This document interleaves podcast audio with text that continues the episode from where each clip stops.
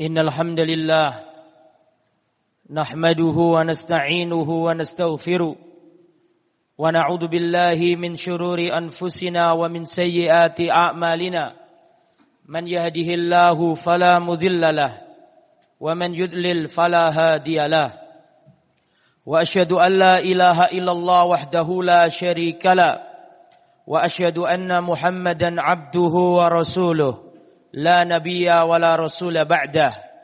اللهم صل وسلم وبارك على نبينا وحبيبنا محمد وعلى آله وصحبه أجمعين. يا أيها الذين آمنوا اتقوا الله حق تقاته ولا تموتن إلا وأنتم مسلمون. يا أيها الناس اتقوا ربكم الذي خلقكم من نفس واحدة وخلق منها زوجها وبث منهما رجالا كثيرا ونساء واتقوا الله الذي تساءلون به والأرحام إن الله كان عليكم رقيبا. يا أيها الذين آمنوا اتقوا الله وقولوا قولا سديدا. يصلح لكم أعمالكم ويغفر لكم ذنوبكم. ومن يطع الله ورسوله فقد فاز فوزا عظيما. أما بعد. Ikhwatal iman rahimani wa rahimakumullah. Alhamdulillah segala puji hanya milik Allah. Salawat serta salam semoga tetap tercurahkan kepada junjungan kita Nabiullah Muhammad sallallahu alaihi wasallam.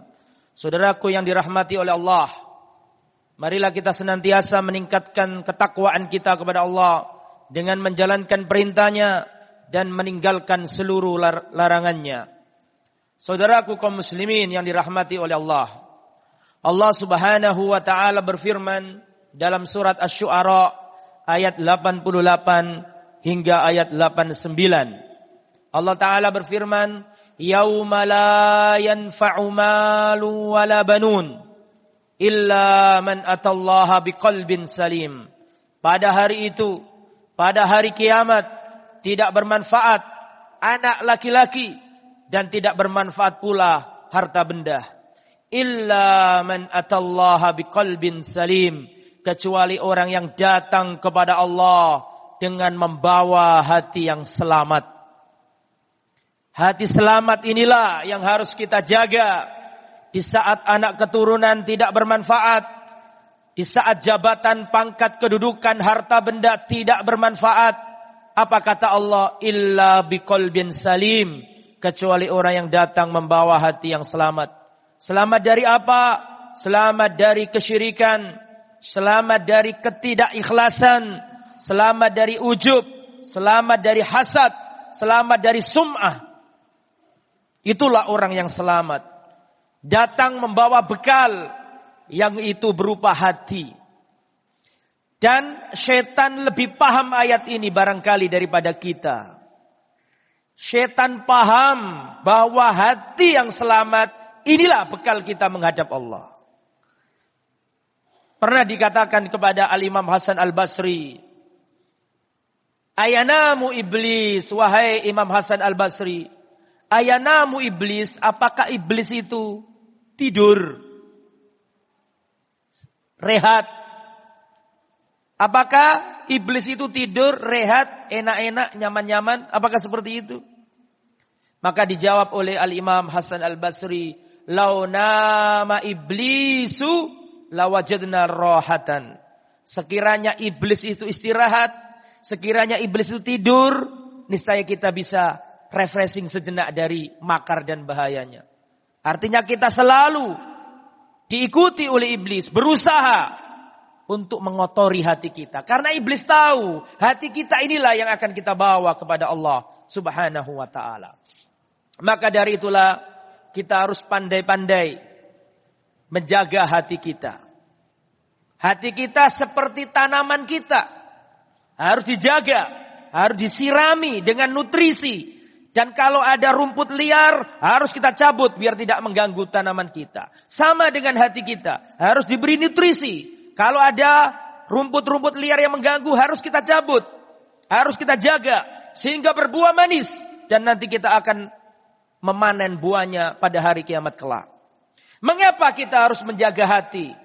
Alasan yang pertama, karena hati adalah pandangan pertama Karena hati adalah objek pertama yang dilihat oleh Allah Subhanahu wa taala. Yang dilihat oleh Allah dari diri kita, hati kita, bukan yang lain. Yang pertama adalah hati. Sebagaimana yang Rasulullah sabdakan dalam riwayat Imam Muslim. Inna Allah la yanduru ila suarikum wala amwalikum. Allah tidak melihat wajah-wajah kalian. Allah tidak melihat harta-harta kalian. Walakin Allah yanduru ila kulubikum tapi Allah melihat hati-hati kalian. Wa a'malikum dan amal-amal kalian. Jadi mengapa kita harus menjaga hati? Jawaban yang pertama karena hati ini yang pertama kali dilihat oleh Allah. Kalau hatinya rusak, nggak usah dilihat sholatnya, nggak usah dilihat hajinya, nggak usah dilihat yang lain-lain, otomatis merah nilainya. Makanya dilihat oleh Allah pertama kali apa? Hatinya dulu. Kalau hatinya bagus, dia ikhlas, baru dilihat sholatnya. Baru dilihat amal-amal yang lainnya. Tapi kalau dilihat hati, sudah nggak ikhlas, sudah melakukan kesyirikan, amalnya nggak usah dilihat, otomatis merah. Otomatis gak, gak dilihat oleh Allah, otomatis tidak ada harganya di mata Allah. Maka dari itulah kita harus menjaga hati kita karena hati kita adalah objek pandangan Allah yang pertama kali dari diri kita. Itu alasan yang pertama. Yang kedua, Mengapa kita harus menjaga hati kita? Karena hati kita adalah target utama iblis untuk dirusak. Target yang akan dirusak iblis dari diri kita yang pertama adalah hati kita. Mengapa? Karena hati itu tempatnya tauhid. Karena hati itu tempatnya ikhlas. Karena hati itu tempatnya iman. Makanya harus dirusak dulu. Maka dari ujung rambut sampai ujung kaki yang pertama kali ingin dirusak oleh iblis, hati kita alladhi yuwaswisu fi sudurin nas yang selalu memberi was-was dalam hati manusia. Itu alasan yang nomor dua. Sebagaimana Allah melihat dari manusia hati pertama kali, begitu juga iblis. Pertama kali yang ingin dirusak adalah hati manusia. Kemudian yang nomor tiga. Mengapa kita harus menjaga hati kita? Karena besar kecilnya pahala tidak ditentukan dari amal. Tapi besar dan kecilnya pahala ditentukan apa yang ada dalam hati kita. Maka dari itulah Al-Imam Ibnul Mubarak mengatakan, Rubba amalin sahirin tu'azimuhun niyah, wa rubba amalin kabirin tusohiruhun niyah. Bisa jadi amalan itu kecil, tapi besar karena niatnya. Dan bisa jadi amalan itu besar, tapi kecil karena niatnya. Jadi besar dan kecilnya pahala bukan ditentukan dari amal itu sendiri. Tapi besar dan kecilnya pahala ditentukan oleh apa yang ada dalam hati kita. Tidakkah kita ingat ada tiga orang yang pertama kali neraka dinyalakan dengan tiga orang ini. Bayangkan.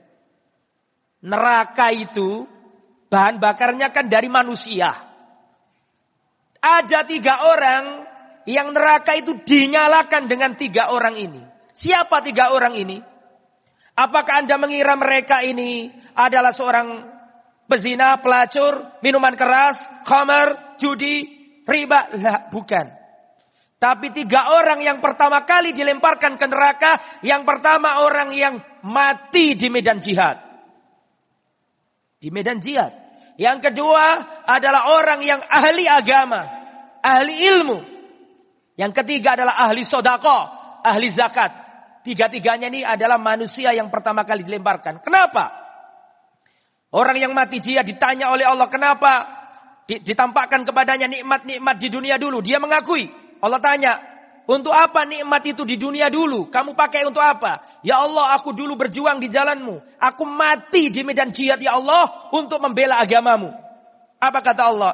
Kadapta, kau berdusta.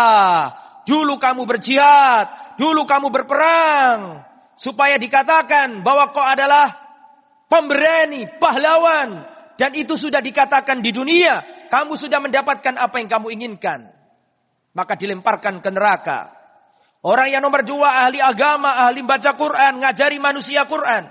Ditanya pada hari kiamat, untuk apa nikmatku yang aku berikan kepadamu? Ya Allah, aku mengajarkan manusia, aku belajar Al-Quran, dan aku ajari manusia Al-Quran. Untukmu ya Allah, karenamu ya Allah. Kadapta kau berdusta. Kau lakukan itu dulu di dunia supaya orang mengatakan bahwa kamu adalah ahli agama, bahwa kamu adalah orang yang ahli baca Quran. Dan itu sudah dikatakan di dunia, orang mengatakan kamu ahli baca Quran. Dan kamu sudah mendapatkan apa yang kamu inginkan, maka diseret dilemparkan ke neraka. Orang yang ahli sedekah pun ditanya, untuk apa nikmatku yang aku berikan kepadamu? Ya Allah, tidaklah di sana ada jalan-jalan kebaikan, kecuali aku berinfak di jalanmu ya Allah. Aku gunakan hartamu, hartaku untuk menegakkan agamamu. Untukmu ya Allah. Kau berdusta.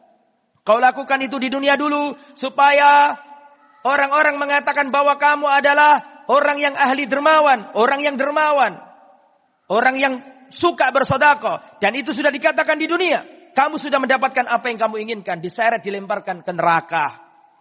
Amalannya besar apa anda ini? Amalan besar. Tidak ada amalan yang melebihi ini setelah tauhid. Jihad dengan nyawa, jihad dengan harta, jihad dengan ilmu. Tiga-tiganya ini amalan seperti gunung. Tapi di akhirat dihempaskan oleh Allah. Tidak ada artinya. Kenapa? Karena dalam hatinya nggak ada keikhlasan. Inilah makna dari yang diucapkan oleh Al-Imam Ibnul Mubarak. Ruba amalin sehirin tu'adzimuhun niyah. Dan bisa jadi amalan itu sedikit tapi besar di mata Allah karena niat pelakunya. Dan bisa jadi amalan itu besar di mata manusia tapi kecil di mata Allah karena niat pelakunya. Makanya para ulama mengatakan ta'allamu an-niyah qoblal amal. Belajarlah berniat sebelum beramal. Karena niat tanpa amal suatu saat dapat pahala. Tapi amal tanpa niat tidak akan pernah dapat pahala. Makanya mengapa kita harus menjaga hati? Alasan yang nomor tiga, karena besar dan kecilnya pahala ditentukan oleh apa yang ada dalam hati kita. Yang nomor empat, mengapa kita harus menjaga hati kita?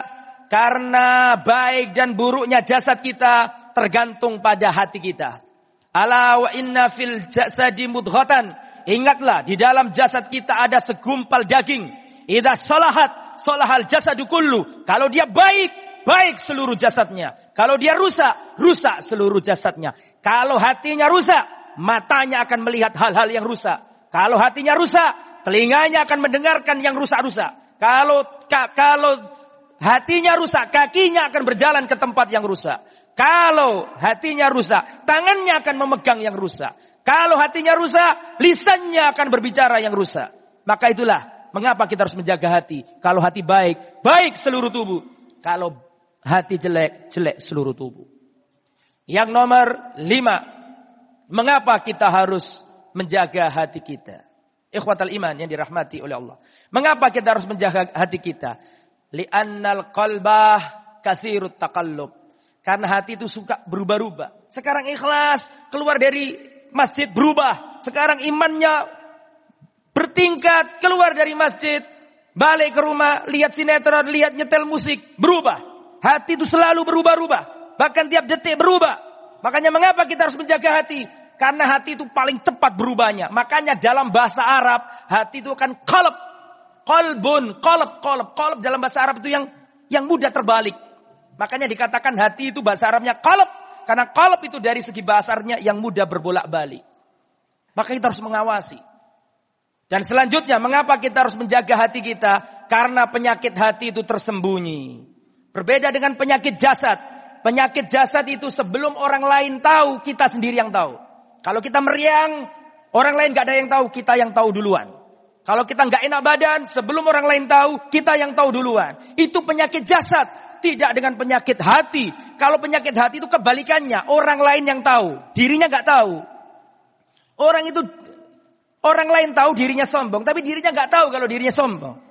Orang lain tahu kalau dirinya hasad, tapi dirinya nggak tahu kalau dirinya hasad. Makanya itu lebih berbahaya. Lebih berbahaya dari penyakit jasad kita. Makanya harus selalu. Makanya kata para ulama, ma'alajtu syai'an asyadda alayya min niyati. Tidak pernah aku mengobati sesuatu melebihi pengobatanku terhadap hatiku, niat. Karena selalu berubah-ubah. Makanya harus dikoreksi. Terus harus dikawal. Supaya kita bisa mengamalkan surat Ash-Shu'ara ayat 88-89 yaumala yanfa'u malun wala banun. Pada hari kiamat nanti tidak bermanfaat harta yang banyak dan anak keturunan laki-laki gak ada manfaatnya. Illa man atallaha biqalbin salim. Kecuali orang yang datang kepada Allah dengan membawa hati yang selamat. Semoga hati kita diselamatkan oleh Allah Subhanahu wa taala. Aku lu qauli hadza wa astaghfirullahal azim innahu wal ghafurur rahim.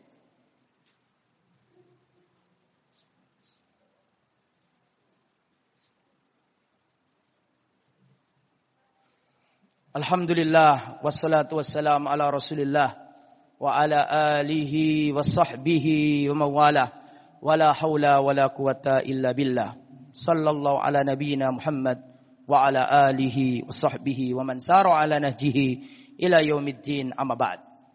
Ikhwatal iman yang dirahmati oleh Allah Subhanahu wa taala. Sekarang ini kita melihat kondisi negara kita sebagaimana yang Anda lihat semuanya. Maka kita sebagai rakyat ataupun sebagai aparat harus bisa menahan diri.